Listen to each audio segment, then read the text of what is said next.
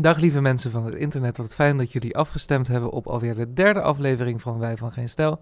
Naast mij altijd, zoals altijd Bart Nijman en we gaan vandaag eh, het weer hebben over wat er belangrijk is in het nieuws en dus vooral niet over Peter R. de Vries.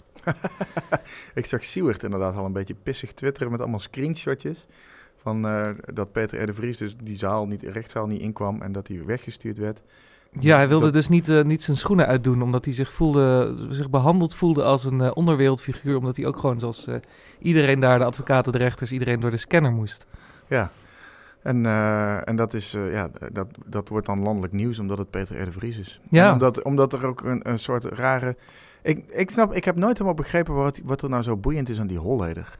Nee. Ik bedoel, vroeger wel. Ik snap wel wat hij misdaan heeft en dat, het, dat hij bekend en belangrijk is. Maar dat proces, dat interesseert me zo weinig. Ja, ja, ja, iedereen weet al dat het een boef is. Soort van het, het, het hele cowboy-verhaal is al geweest. Maar uh, ja, ja er komt ook allemaal niks nieuws doet en zo. Het is allemaal verschrikkelijk. Ja. Maar ik vind het allemaal, ik, ik weet niet. Op een of andere manier kan het mij niet boeien. Maar dat zal wel. Nee, dus jij bent niet een van die, uh, van die provinciale bakvissen die uh, dat boek van Astrid heeft gelezen. En dus in de slaapzak voor nee, de deur van de wel, rechtbank ging. Ik heb wel het boek van Peter R. gelezen natuurlijk. Want oh, de Heineken-ontvoering is wel echt een spectaculair verhaal. Ja, ja, ja. ja. Goed, Holleder dus. Extreem onboeiend verhaal eigenlijk. Hebben we het er toch alweer een minuut ja, over hebben we het toch weer over Peter R. de Vries gehad. Terwijl niemand op die man zit te wachten. Heb jij ooit iemand in het wild ontmoet die dacht van... Oh, vandaag Peter R. de Vries weer bij de talkshow. Daar ga ik nou eens even lekker voor zitten. Ja, we zijn, die vier luisteraars die we hadden, die zijn nu alweer afgehaakt. Ja, kut. Oké, echt nieuws. Um, Laten we opnieuw beginnen. Ja. Oké, okay, we, gaan, uh, we gaan even ver van Holleder vandaan. Uh, we gaan het namelijk hebben over Hongarije denk ik. Want daar heeft de premier Orbán heeft daar een uh, nieuwe, heeft daar, mag daar een nieuwe regering aan vormen. Want die hadden afgelopen zondag verkiezingen. En met um, bijna 50% van de stemmen, 49,1%, heeft hij um, door de verschillende haakjes en oogjes aan het Hongaarse die... systeem 133 van de 200, 198 zetels in het parlement. Wauw, dat en is een behoorlijke dus overmacht. Een, uh, ja, dat een, zijn die, een zijn supermajority. Die zijn die verkiezingen eerlijk? Um, oprechte vraag. Ik, ik weet niet. In Kijk, ik weet dat Orbán is. Uh, aan de ene kant vind ik hem wel tof, omdat hij gewoon dingen zegt die ik uh, in ieder geval meer in het narratief zou willen horen in het Nederlandse debat. Mm -hmm. over, over de eigenheid van Europa en de bescherming van culturele waarden en uh, de, nou ja, dat allemaal rond het grote migratievraagstuk. Uh, anderzijds weet je ook dat het een beetje een boef is die uh, niet in het land met de zuiverste media zit en waar ja. de media ook niet per se die ruimte krijgen en corruptie en de, nou ja goed, het is gewoon een voormalig Oostblokland en dat zijn ja, vaak ja, ja. Uh, nee, de, de, de dat, zijn, controle... dat zijn democratieën in de praktijk, maar niet per se in, in mentaliteit, zeg maar. Nee, nee, zeker niet. En de, de waarnemers van de OC, OSCE die hebben inderdaad al verklaard dat er um, 82.415 stemmen verdwenen zijn. En dat er dus ook, uh, dat er ook gerommeld is met het aantal stemmers. Dus dat de opkomstpercentages ook enigszins vervuild zijn. Alleen uh, daar komen ze later op de dag nog met een uh, verklaring over. Alleen dan right. zijn we niet meer aan het uitzenden. Maar 82.000 op een totaal, op, op, een heel land is natuurlijk nog vooralsnog niet zoveel. Dus de, nee. Ik bedoel, dat komt toch een beetje in de buurt van stapeltjes stemmen die in Nederland ook wel eens kwijtraken of op de verkeerde stapel komen te liggen. Ja. En als je dan in het totaalplaatje wel 50% van de stemmen hebt, dan ben ik nog niet meteen geneigd om te geloven dat hij het gekocht heeft. Nee, nee, maar goed, het is natuurlijk ook over, over de feitelijke, uh, um, noem je dat, dat soort electorale haakjes en oogjes, daar, daar weten we ook nog niet zo heel veel van. Maar we weten wel in ieder geval dat hier dus een heel duidelijk signaal wordt afgegeven aan, uh, aan Europa en aan de... Um, dat de Hongaarse kiezers ook echt gewoon die, die hele harde uh, lijn van Orbán tegenover de EU um, ook, ook hebben overgenomen. En dus dat ook de, dat, dat verhaal van die duistere krachten, uh, voornamelijk de, de oud um, ja, ondersteuner van, uh, van, van Orbán toen hij nog, nog redelijk links was, George Soros, een, een belangrijke, belangrijke rol in speelt. Dat, dat dat gewoon beloond is met nu een, een, meerderheid in het parlement die ook in staat is om zonder coalitie de grondwet te wijzigen. George Soros heeft Orbán gesteund ooit? Ooit? Nou, um, Soros die, die is natuurlijk in de, de vroege jaren negentig, toen Hongarije uit die communistische periode kwam, uh, heeft hij onder andere een, een, universiteit gesticht in Budapest, waar, waar Orbán heeft gestudeerd. De Central European Hij University. heeft hem zelf opgeleid. Ja, ja, ja, ja zeker. En, en ook heel veel, heel veel andere Um, de huidige generatie leiders in, um, in, in veel voormalige Oostbloklanden is allemaal, komt allemaal van, dat, van die Boedapest Universiteit vandaan. En, en die is dus heel erg gesticht met de, de liberale Europese waarden. Um, in, uh, als, als ideologische grondslag. Dus democratie, vrouwenrechten, migranten, dat soort dingen. Allemaal goede dingen. Allemaal, allemaal hele goede dingen die, je, die je zonder blikken of bloos bij de PvdA ook kan zeggen. Maar er is een zeker, uh, een, zeker, uh, een zeker zinnetje in het Duits uitgesproken een paar jaar geleden. Wir schaffen das. En dat heeft enkele liberale waarden bij Orbán wat, wat uitgedoofd. Ja, kennelijk. Of in ieder geval enkel van die liberale waarden. Want je kan ook nog zeggen dat het behouden van je eigen cultuur ook een liberale waarde is. Ja, nou ja, goed, kijk, je hebt natuurlijk, Hongarije is natuurlijk al een heel eigen land. Ze hebben een hele unieke taal. Ze hebben ook heel weinig, uh, het, het, het, zit ook echt heel erg tussen de soort van de, de, de Germaanse en Slavische assen van Europa in. En daardoor is, nou ja, als je de geschiedenis van Hongarije kijkt, het, het is eigenlijk voornamelijk dat, dat het een soort geitenpaadje is waar alle legers van de, van, de, van de grote machten doorheen trekken. voor overmachten. Ja, dus, dus als je bijvoorbeeld ergens in een, in een, bij een Hongaarse kasteel komt of een ruïne of zo, dan staat er altijd verwoest in dat jaar, verwoest in dat jaar, verwoest in dat jaar. Echt elke Hongarije is gewoon altijd fucked, omdat het gewoon een soort tussenlandje is tussen allerlei grote machtsblokken. Wat, wat... En daarom is het dus ook, tijdens de communistische tijd werd het natuurlijk zwaar onder de voet gelopen. En uh, nu vinden ze dat met de EU wordt ook weer dat heel erg dat narratief gepusht over dat, dat ze nu weer slachtoffer zijn van weer een continentale macht, in, in, in bijzonder Duitsland. Die dus weer de wil opdringt ja, aan dat gekke unieke volkje. Dat snap ik wel, want ik bedoel, de EU bedoelt het goed, maar ja, dat zei de Sovjet-Unie destijds ook. Ja, ja, ja, zeker. En het is, het is aan de andere kant is het ook heel erg een soort raar, raar tweesnijdend verhaal, die hele EU. Want onder de Russische invloed uit het, uit het Kremlin, onder de communistische tijd, werd bijvoorbeeld heel erg de Hongaarse taal verdrukt. Um, er, was een Russificatie, iedereen moest Russisch leren op school.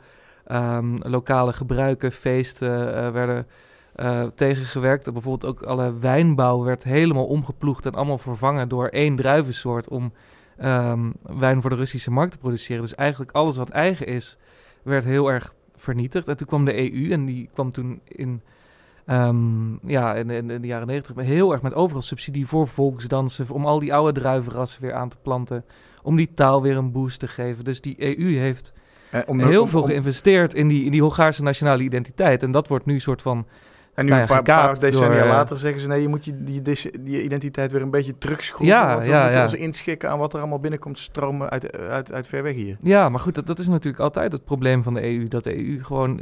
Er wordt altijd door, door anti-EU-types wordt beweerd... dat de EU nationale cultuur vernietigt. Terwijl als je kijkt naar wat voor subsidies er allemaal worden gegeven... aan de meest idiote volksdansen en... en en, en cultuurmusea en, en geschiedenis en eigenheid. Ik bedoel, overal als je ergens in, uh, in Loppersum een museum wil oprichten voor streekgeschiedenis, Ja, dan, kun je gewoon bij de EU terecht. Ja, ja, ja. Um, en, en in Hongarije is dus die, die, die conservatieve Fidesz-partij dus heel erg op dat identitaire orgel gegaan. En vandaar dus ook de vrees bij um, nou ja, de Leo Lucas van deze wereld en alle, alle, alle linkse verbindende EU-mensen dat Um, dat hetzelfde gebeurt in Hongarije als in, in, in, uh, in andere EU-landen. Dat, dat die nationalistische impulsen steeds verder terugkomen. Ja, ja en uh, ik snap ook waarom het een, uh, een goed werkend narratief is voor een politicus die herkozen wil worden. Omdat ja. Hongarije kent zo'n 20%, als ik het goed gelezen heb, 20% armoede. Ja. En ik snap wel dat je dan zegt van ja, sorry, maar we gaan niet nog armere mensen massaal binnenlaten, terwijl we in ons eigen land nog één op de vijf mensen ja. uh, op, die, op of onder die grens hebben zitten. Ja, maar terwijl van de andere kant is het economische argument in Hongarije redelijk moed. Het is juist zo dat, dat het land een gigantische bloei heeft gemaakt. En als je nu door Budapest loopt en dat vergelijkt met tien jaar geleden, dan weet je ook niet meer wat je ziet. Ik ben er nog nooit geweest. Oh, uh, aanraden, dat is een mooie stad. Um, maar juist onder Fidesz is dus die, die economie is enorm, want ze profiteren dus geldelijk wel veel van, van, van de open markt van de EU. Um, ja, op dat, op dat vlak heeft de EU natuurlijk wel weer een punt als ze zeggen: jullie moeten een paar dingen doen ja. zoals wij het willen. Want daar staat tegenover dat er gewoon miljarden aan subsidie Ja. ingepompt wordt. En nu zeggen ze: Ja. ja, wij zetten over, we hebben, ze hebben overal een krabbel gezet over de, onder de voorwaarden voor die subsidies en die samenwerking en die open markt en die vrije handel. Ja. En op het moment dat er dan iets aan de hand is, dan zeggen ze: ja, maar dit deel gaan we niet meer doen en hier hebben we even geen zin in. Ja. Dus ik snap ook wel dat de EU dan zegt: ja, sorry, maar je hebt hiervoor getekend. ja, het is een beetje geven Alleen en het, nemen, probleem, het probleem van de EU is natuurlijk dat zij die papieren afspraken gemaakt hebben in tijden van economische voor, eh, voorspoed en, en, en morele me- me- wind mee ook, denk Ja. ik. En op het moment dat dan de, de, de werkelijkheid aan de deur staat, met honderdduizenden tegelijk overgezwommen of overgevaren over de Middellandse Zee, Ja. ja. dan moet je natuurlijk ook je, eh, je dagelijkse praktijk wel gaan aanpassen aan the situation at hand. En niet aan de op papier gemaakte afspraken van weet ik veel hoe lang geleden. Ja, en dat, maar dat zie je sowieso met dat divisieraad dan. Dat die dus, dus, dus wel... Ehm, heel, uh, ja... Die, Wel die, de subsidielasten, maar niet de migratielasten. nee, nee, precies, ja. En, uh, maar van de andere kant ook omdat ze natuurlijk zelf eigenlijk ook veel, veel migratie-uitvoerlanden zijn. Ik bedoel, kijk... Wat, ja, uh, kijk maar hoeveel Polen hier rondlopen. Ja, ja, ja, nog. Maar, ook, maar dat, dat is, ja. wat ik dan wel weer, weer frustrerend vind, is dat de Timmermansen van Brussel vervolgens gaan zeggen van ja, we gaan jullie stemrecht in de EU afpakken. En dat ja. meteen van die hele zware maatregelen die dan ook weer zo'n repressief geurtje hebben. Van ja, maar jij mag ja. nog geen eigen besluiten nemen over wat hij binnen jouw grenzen wil doen. Ja, nou ja, goed. Ik vind, ik vind eigenlijk dat, uh, dat, dat de EU daar nog best wel terughoudend is, is eerlijk gezegd. Uh, zou jij het afpakken van stemrecht van zo'n land, zou je dat condonen? Zou je dat oké okay vinden? Nou ja, het, het, is als je, als je volgens de regels van de EU speelt. Alleen dat, ja, goed, uh, die, de EU zijn natuurlijk altijd die regels, die worden altijd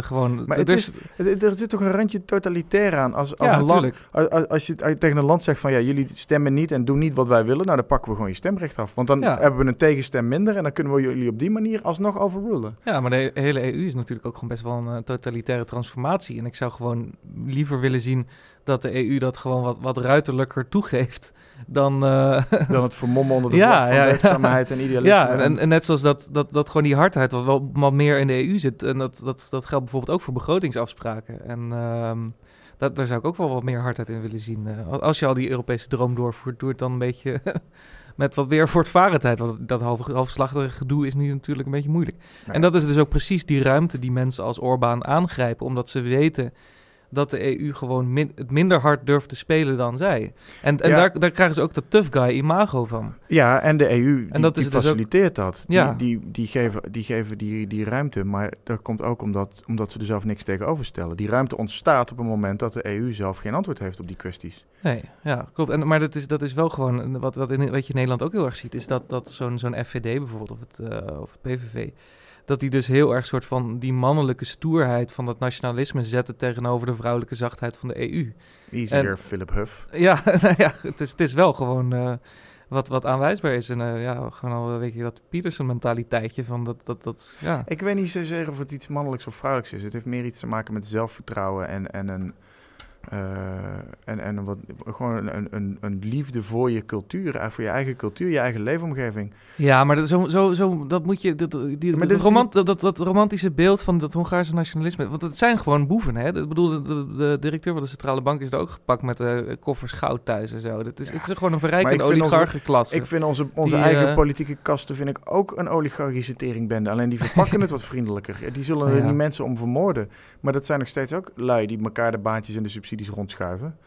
Ja, maar goed, het is, het is wel een verschil tussen een Nederlands partijkartel... waar gewoon uh, mensen een beetje 100.000 euro verdienen en een gechauffeerde Audi... en uh, een, een, een Oostblok partijkartel waar mensen gewoon met koffers geld naar Londen vliegen. Dat is gewoon echt een groot verschil. Uh, ja, Dan heb ik liever gewoon ons eigen partijkartel, het, wat ja. nog enigszins geremd wordt door, doordat aan de, Nederland natuurlijk ook. Nou, er, er, zit hier een, een betere uh, mediacultuur uh, omheen, een betere transparantieregel. Nou, in Nederland is alles inderdaad beter ingericht. Het is moeilijker ja. om corrupt te zijn. Ja. Dus het gebeurt. Ook niet onmogelijk. Kijk nee, VVD, het, het maar... gebeurt derhalve subtieler. Ja. Maar we zien meer dan genoeg uh, kleine voorbeeldjes en grotere voorbeelden van hoe ze zichzelf wel heel goed weten te bewaken, bewaren en ja. binnen, alles binnen de eigen kring te houden.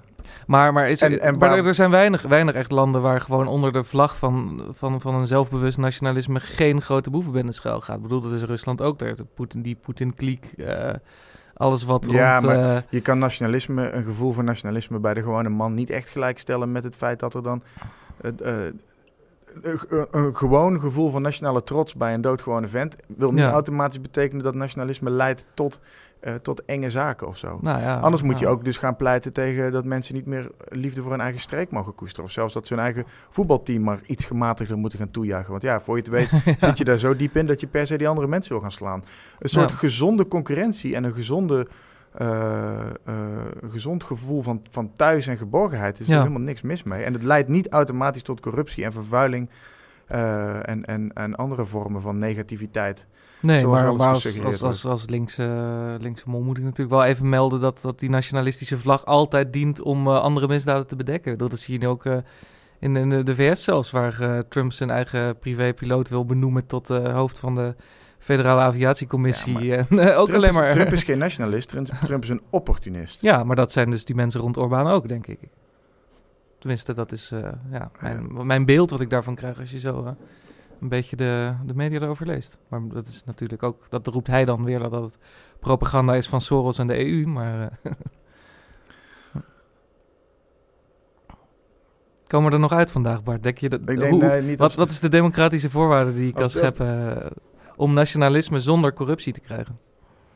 Ah, nou, ik zeg niet dat nationalisme een doel moet zijn. Ik zeg alleen dat nationalisme en corruptie niet per se in elkaars verlengde hoeven te liggen.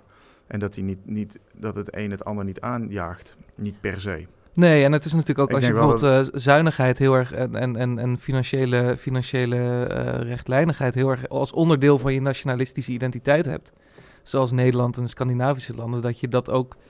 Dat juist het verlies van die nationale identiteit ook leidt tot een groter normverlies bij de politici. Dat vroeger de zuinige PvdA'ers echt Ne- Nederlands waren, dus echt heel zuinig. En dat nu de multiculturele PvdA gewoon een soort eh, subsidieboevenbende is. Die zelf geld verdienen niet als deugd ziet. Ja, en, en het feit ook dat, dat de route naar Brussel, die open staat voor de, voor de kartelpartijen, om ze zo maar te noemen, dat die eh, zorgt dat je in relatieve eh, onzichtbaarheid eh, in een eigen kringetje kan gaan zitten, waar, waar zelfverrijking en, en, en eh, het luxe leventje ineens wel Ja. voorhanden liggen. En dat zie je Ja. ook veel. veel ik bedoel, zo'n Hans van Balen is gewoon een enorme graai-profiteur. Die, Ja. die uit het zicht van de publieke opinie toch een zekere macht en status heeft. Ja, En eh, nou ja, dat, dat, dat wringt. Vooral omdat daar dus weer die democratische controle wegvalt. Ja, en dat, dus dat ook gewoon de, de, de juiste Als die mensen, nationalistische misschien kun je wel de stelling op tafel gooien als, als er geen goede democratische eh, geborgenheden zijn en zekerheden zijn of, of toezicht is, dan gaan mensen zich in andere grote dingen verliezen, zoals misschien wel nationalisme. Hm. Oké, als ik dan geen democratie heb, dan ga ik wel eh, mezelf met aan andere dingen warmen en daar een Ja. soort goed gevoel bij krijgen. Of een, eh, Ja. want ik bedoel, ik vind dat de, de EU is op zichzelf al een erosie van democratie. Hm. Er zit daar één parlement wat zogenaamd gekozen wordt. Nou, ze hebben een Ja, volmandaat ja. van hier tot Tokio. Daar gaat maar één op de drie kiezers gaat ervoor naar de stembus. Uh, en vervolgens zeggen ze op alles ja wat, wat, het- wat die Europese Commissie wil. Ja, die eh, uit de Zelf, en zelfs als die Europese komt. Commissie aantoonbaar corrupte eh, handelingen verricht, zoals eh, de, de benoeming van die Selmayr, Ja, die in twee minuten twee promoties maakt naar een positie die hij eigenlijk helemaal niet mag hebben, omdat Ja. Juncker hem daar graag wil hebben. ja, ja. ja. En dan zegt het, zegt het parlement ook, nou, dit ruikt naar een koep. ja, En dan zeggen ze vervolgens, maar ja, daar doen we dan verder niks aan. Die- ja. Wat, wat, moet je dan, wat moet er dan gebeuren voordat zo'n, voordat zo'n parlement zegt van ja, of je flikkert hem buiten, of jullie, wij, we stemmen jullie gewoon allemaal weg. Want die macht hebben Ja. ze, maar ze vertikken het om hem te gebruiken. Ja. Ja, dan, dan vind ik het niet raar als mensen hier zitten te kijken en denken van ja, oké, dus die lui schuiven zichzelf gewoon openlijk baantjes toe. Dat wordt ook openlijk zo gezegd. En Ja. er wordt vervolgens niks aan gedaan. Dus het is niet eens meer onzichtbaar met een vermoeden. En dat je kan zeggen, ja, maar dat is populistische retoriek en dat is gewoon euroskepsis en die is nergens op gebaseerd. Ja. Nee, in dit geval is het zichtbaar, aantoonbaar, benoemd door het parlement.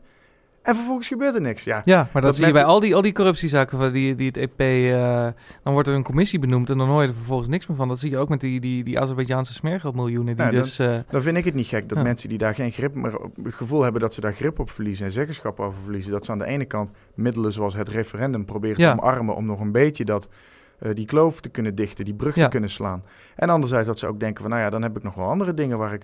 Dat hele migratieverhaal is een... Is een is zo'n groot ding geworden. eh, en echt niet omdat mensen allemaal eh, haat en hekel aan buitenlanders hebben, maar gewoon Ja. omdat dat eh, een, een, een, dat is een gevolg geworden van matige en slechte democratie. Of slecht werkende, slecht functionerende instituties. Die daar geen antwoord op hebben. Ook weigeren daar een antwoord op te geven. Alleen maar met ideologische retoriek en moralistische retoriek tegen mensen zeggen: ja, maar je moet dat gewoon goed vinden. ja. Dus dan smijten ze weer die foto van die Ailan voor je neus. en dan zeggen ze: hier dode kinderen. Is dit, Ja, is dit wat je dit- wil? Is dit wat je wil, ja. is dit ja. wat je wil? Jij bent hier. Ja, en, en, en, en, van die, van die D66 technobabbel die nergens op slaat. Van we, we hebben migratie nodig om eh, de vergrijzing op te vangen. En we hebben die mensen nodig voor de... ja, terwijl tegelijkertijd Lodewijk Asscher staat te waarschuwen... we hebben straks niet genoeg banen, Ja, want de robots komen. Ja, en, en ondertussen zit 40% van de, de jeugd in Spanje op de bank, weet je. Dus die hele migratie uit Afrika of, eh, of of het Midden-Oosten is... vindt al plaats in een, in een veel te onders... eh, ja, een, een, een Europese interne markt...